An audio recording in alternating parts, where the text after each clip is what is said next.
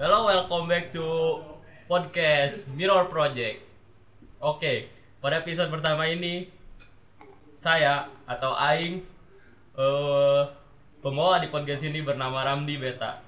Nah, ngomong-ngomong dengan Mirror Project, ada satu kru yang sudah yang sedang merasakan gundah gulana bahwa di masa pandemi ini ternyata teman-teman dia sudah pada nikah. Nah, dia datang kemari untuk membicarakan atau mengadu atau ingin eh ingin meminta solusi dari kawan-kawan Mirror Project. Oke lah, kita bantu. Dan let's go kita perkenalan dulu. Ini narasumber pertama kita. Ya, terima kasih Ramli Beta. Eh, saya namanya dipanggil Repi aja ya, nama saya Repi Renaldi dan emang di lingkungan sekarang itu, aduh teman-teman saya udah pada nikah duluan, nikah muda ya, tapi saya nggak pernah di pikiran itu yang mereka kejar itu apa nikah muda itu saya belum tahu. Jadi saya ingin menggali menggali Oke. berita tersebut itu apa sih eh, Yang yang dikejar. dikejar, yang Oh, dikejar boleh. nikah muda itu apa sih? Ngomong-ngomong sebelumnya pekerjaan Anda sehari-hari sebagai apa? Pekerjaan saya itu freelance lah. Nggak serabutan juga dong pak. serabutan kan Yang penting nggak nggak terpatok oleh waktu, selalu siap eh, produktif, Fleksibel mungkin kalau fleksibel, bisa dibilang begitu. Yang penting eh, freelance aja mas. Soalnya kawan-kawan Mirror Project di masa-masa sekarang menurut aing pribadi cewek-cewek itu mandangnya pertama pasti dari harta dan pekerjaan, men. Nah, apalagi motor itu, mocin-mocin gitu, aduh. Apalagi Pasti. sekarang kan Nggak juga Supra juga bisa pak Ya, Supra Supaya- dilihatnya dari supaya menarik eh, hati-hati cewek ya Oh, iya. anda harus berjuang soal itu Ya, jadi saya harus beli mo- motor Vespa gitu. Iya. Aduh. Ada ninja deh pembelaan. ninja Ninja. Soalnya sekarang harga Vespa sedang naik-naiknya nih, Bos. Soalnya Hmm. ada ada filosofi fuckboy itu disangkut pautkan dengan yang namanya Vespa dan baju Deus. Setujukah Bapak Repi Ya. sebagai pengendara motor dua dengan Supranya dengan mungkin baju koyo art ini dengan Kenjo apakah anda merasa pede membawa wanita menggunakan motor Supra Saya pede-pede aja sih selagi naik motornya nyaman, nggak gugurudugan kayak gitu saya enjoy aja tetap nggak pernah merasa gengsi sedikit pun. oh tetap menikmati ya Tetap menikmati perjalanan yang penting nyaman naik motornya nggak ribet. Tanggapan dari wanita anda bagaimana? Wanita anda menggunakan motor Supra? Wanita saya sih tidak pernah komen. Aneh-aneh sih tapi nggak tahu dalam hatinya mah ya. ya ngomong-ngomong di kawan-kawan Mirror Mirror Project kawan saya satu ini Revi ini sudah berpacaran hampir kurang lebih tiga tahun. Apakah betul bagaimana? Ya. Bisa diklarifikasi dong langsung kepada kawan-kawan dari pendengar podcast Mirror Project ini. Apa Ya. sih eh, obatnya supaya hubungannya langgeng gitu? Mujarab relax relax aja gitu selama kurang lebih tiga tahun ini. Kan tiga tahun itu bukan waktu yang sebentar Iya. ya lumayan lah cukup lama. Ya tiga tahun itu emang bukan waktu yang sebentar ya. Jadi eh, prinsip saya itu kalau pacaran itu nggak bukan aneh-aneh tentang masalah saling posesif atau tidak ya. Ya cewek maunya nyaman kan? Nggak mau dikekang nggak mau Iya. apa-apa. Saya ikutin apa maunya dia dia mau ngikutin apa maunya saya. Saya mengikuti terus tidak ada masalah apa pun dan ya. Enjoy enjoy aja Enjoy, enjoy dibawa relax. Dibawa Iya. relax aja. Tapi ini buat kita kita yang jomblo susah mendapatkan pasangan seperti itu. Karena rata-rata cewek sekarang itu memandangnya harta. Nah harta tahta ya tak harta beban orang tua. Waduh beban orang tua. Tapi nih kawan-kawan dari Mirrors Project sebenarnya ada tutorial-tutorial yang penting yang mungkin nanti di next episode untuk kita bahas untuk tutor-tutor agar kita dapat mendapatkan pasangan yang pas dengan kita yang pasti dengan ditemani oleh saya kawan sendiri. kita Repi Renaldi sang pejuang cinta. Kalian bayangin tiga tahun loh pacaran. Saya mau nyanyi dulu ini ke Pak Repi. Bagaimana me- caranya memanage uang anda pribadi dengan uang untuk pasangan? Tidak mungkin dong bila ceweknya yang bayarin. Mungkin mungkin saja tapi kan sekarang waktu masa-masa sekarang cowok tuh harus lebih saya mah simpel aja sih. Kalau dia mau ada keinginan mau main keluar atau belanja apa-apa saya suka terus terang. Kalau saya punya uang saya nggak akan susah saya nggak akan ribet saya kasih. Kalau tidak ada dia memaklumi dia nggak akan banyak eh, apa? Banyak nggak akan banyak permintaan yang aneh-aneh ke saya. Oh jadi kalau orang juga penasaran nih sistem pacaran itu apakah sistem eh apakah ma mane mane hari ini yang bayarin terus besoknya dia kayak kalau jalan apakah patungan apa gimana selama tiga tahun loh paling sering sih Kalau pernah ketemu sekali boy. Wah, tidak itu saya bukan LDR itu. Ketemu sih setiap minggu sih kalau saya nggak ter- jangan terlalu sering lah ngapain gitu. Soalnya ka- kalau lagi pandemi kayak gini mah emang susah main ya. Kalau sebelum sebelumnya emang jarang main karena sekolah kan. masih Sekolah. waktu itu.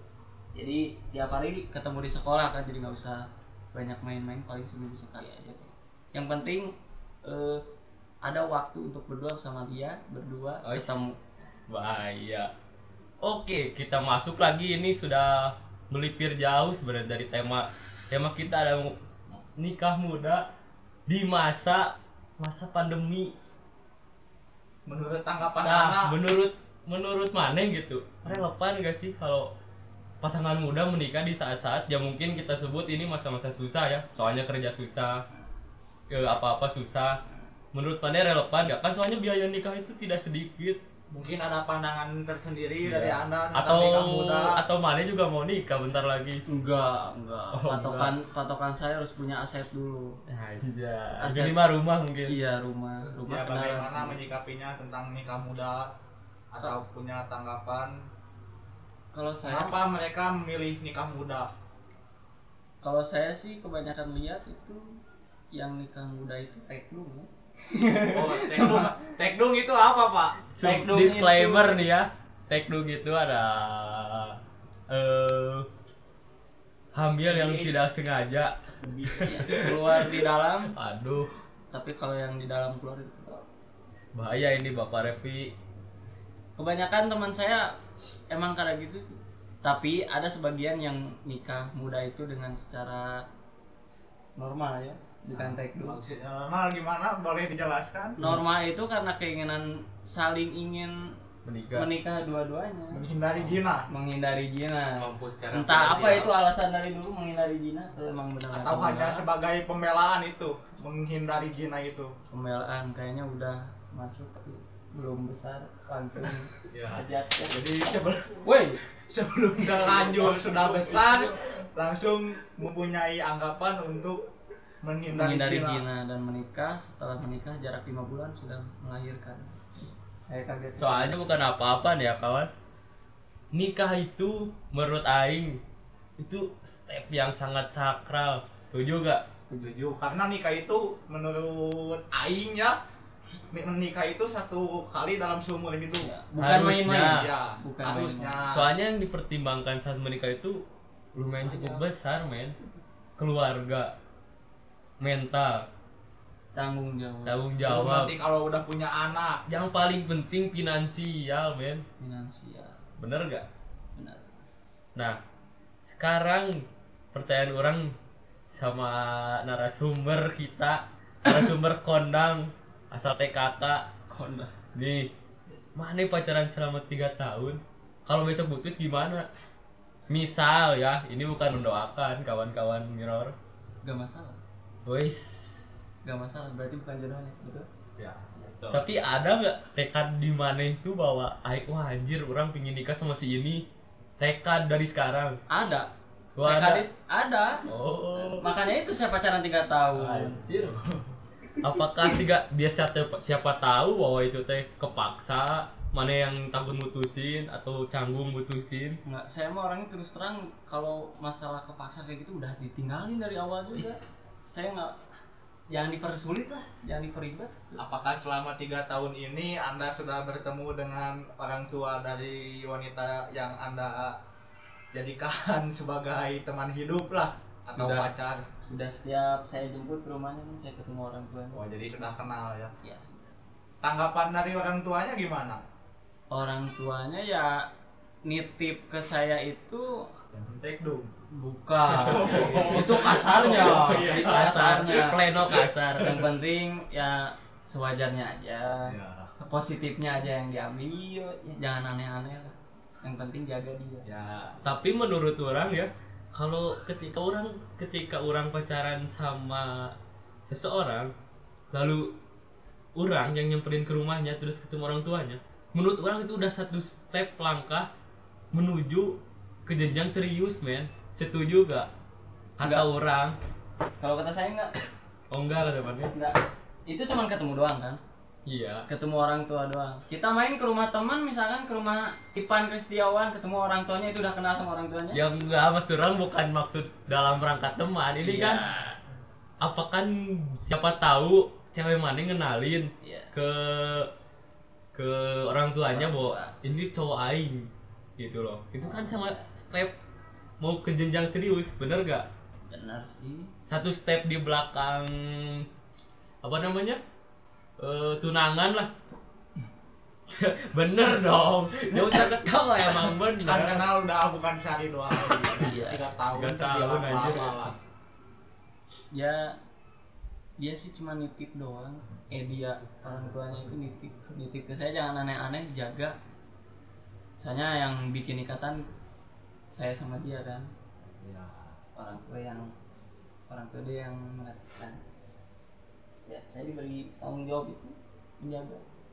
Menjaganya apakah nanti misalnya anda sudah menjaga lalu wanita anda loh anak kok bukan. Oh. wanita anda nanti nikahnya dengan lelaki lain bagaimana tidak itu apa-apa. berarti bukan jodoh saya. Berarti anda intinya menjaga jodoh orang lain ya? Iya nggak apa-apa apa-apa. Saya ambil positifnya aja pacaran itu nggak diperibet saya misalnya keluar nggak boleh. Oh di WA gimana enggak simpel aja ya? Simpel aja. Ambil positifnya aja. Bisa diambil hebat gitu. Iya. Ada untungnya gitu pacaran lama itu. Sarapannya bikinin waktu sekolah. Aduh. Ya. PR dikerjain. Positifnya kan berarti anda seolah-olah menjadi bos gitu enggak jadi bos juga diminta tolong ya diberi saling tolong. membantu gitu Saling ya. membantu. saling memotivasi saling melengkapi ya positifnya aja lah yang enggak gerugiin diri sendiri Nah, ngomong-ngomong nih. Nah, ngomong-ngomong nih. Dari kita kan di sini lumayan nih kawan-kawan mirror bila kalian ketahui di belakang podcast ini ada sekitar lima orang lah. Nih, pendapat dari kita-kita tentang nikah muda nih. Pertama dari Aing dulu mungkin ya. Dari orang nikah muda itu anjir harus benar-benar diperhatiin, men. Yang sesuai kata orang tadi. Yang pertama itu mental harus bener-bener karena pernikahan itu bukan sesuatu yang main-main anjing. Kalau kata orang. Apalagi nikah muda kan anjir. Maksudnya mental kita aja masih stabil, emosi anak muda gitu loh. iya benar Bener gak? berarti kalau dia misalkan udah ngambil keputusan kayak itu berarti udah bisa udah siap ngambil resiko Betul. Nah, yang kedua nih, finansial, men. Masih Hmm. kita bisa laki-laki gitu lah, kita bo boys talk, boys talk lah anjir. Boys talk. Bawa anjir kita malu men kalau udah nikah ikut di rumah rumah ibu mertua kita, bener Nah, gak? benar benar Minimal kita harus punya rumah. lah. Nah mungkin dari orang segitu aja dulu sih. Eh, dari mana gimana? kalau dari saya sih emang eh, mental ya awalnya dari mental kalau saya sih kalau dia udah buat keputusan kayak gitu udah mantep mikir nikah muda itu berarti udah siap ngambil risiko apa yang nanti terjadi ke depan Betul. Nah, berarti dia udah siap ngambil risiko makanya dia memutuskan gitu finansial. Dia nggak akan mutusin nikah kalau misalnya belum punya pekerjaan. Betul. kalau dia nggak punya pekerjaan dia nggak akan mutusin sampai nikah kayak gitu. Apa- masa dibiayain sama orang tuanya? Itu tahu malu laki-laki itu. Apalagi kan ini masih tabu pekerjaan freelancer. seperti seniman, fotografer, dianggap tabu lah penghasilannya sama nggak tetap lah. menantu sama mertua kita nanti soalnya. Soalnya kan bahwa idaman para mertua itu sudah jelas, sudah jelas berseragam. ekspektasinya pada tinggi Nah. semua. Ini oh oh waduh. Ada tragedi rupanya di sini teman-teman Miron. Nah, sekian dari podcast sekarang ya mengenai nikah muda ini. Mungkin nanti kita lanjut di lagi next episode kita akan membahas tutorial menjadi fuckboy. lelaki sejati lelaki sejati See you next episode. Jangan lupa makan, jangan lupa sholat. udah makan ngerokok Mantap.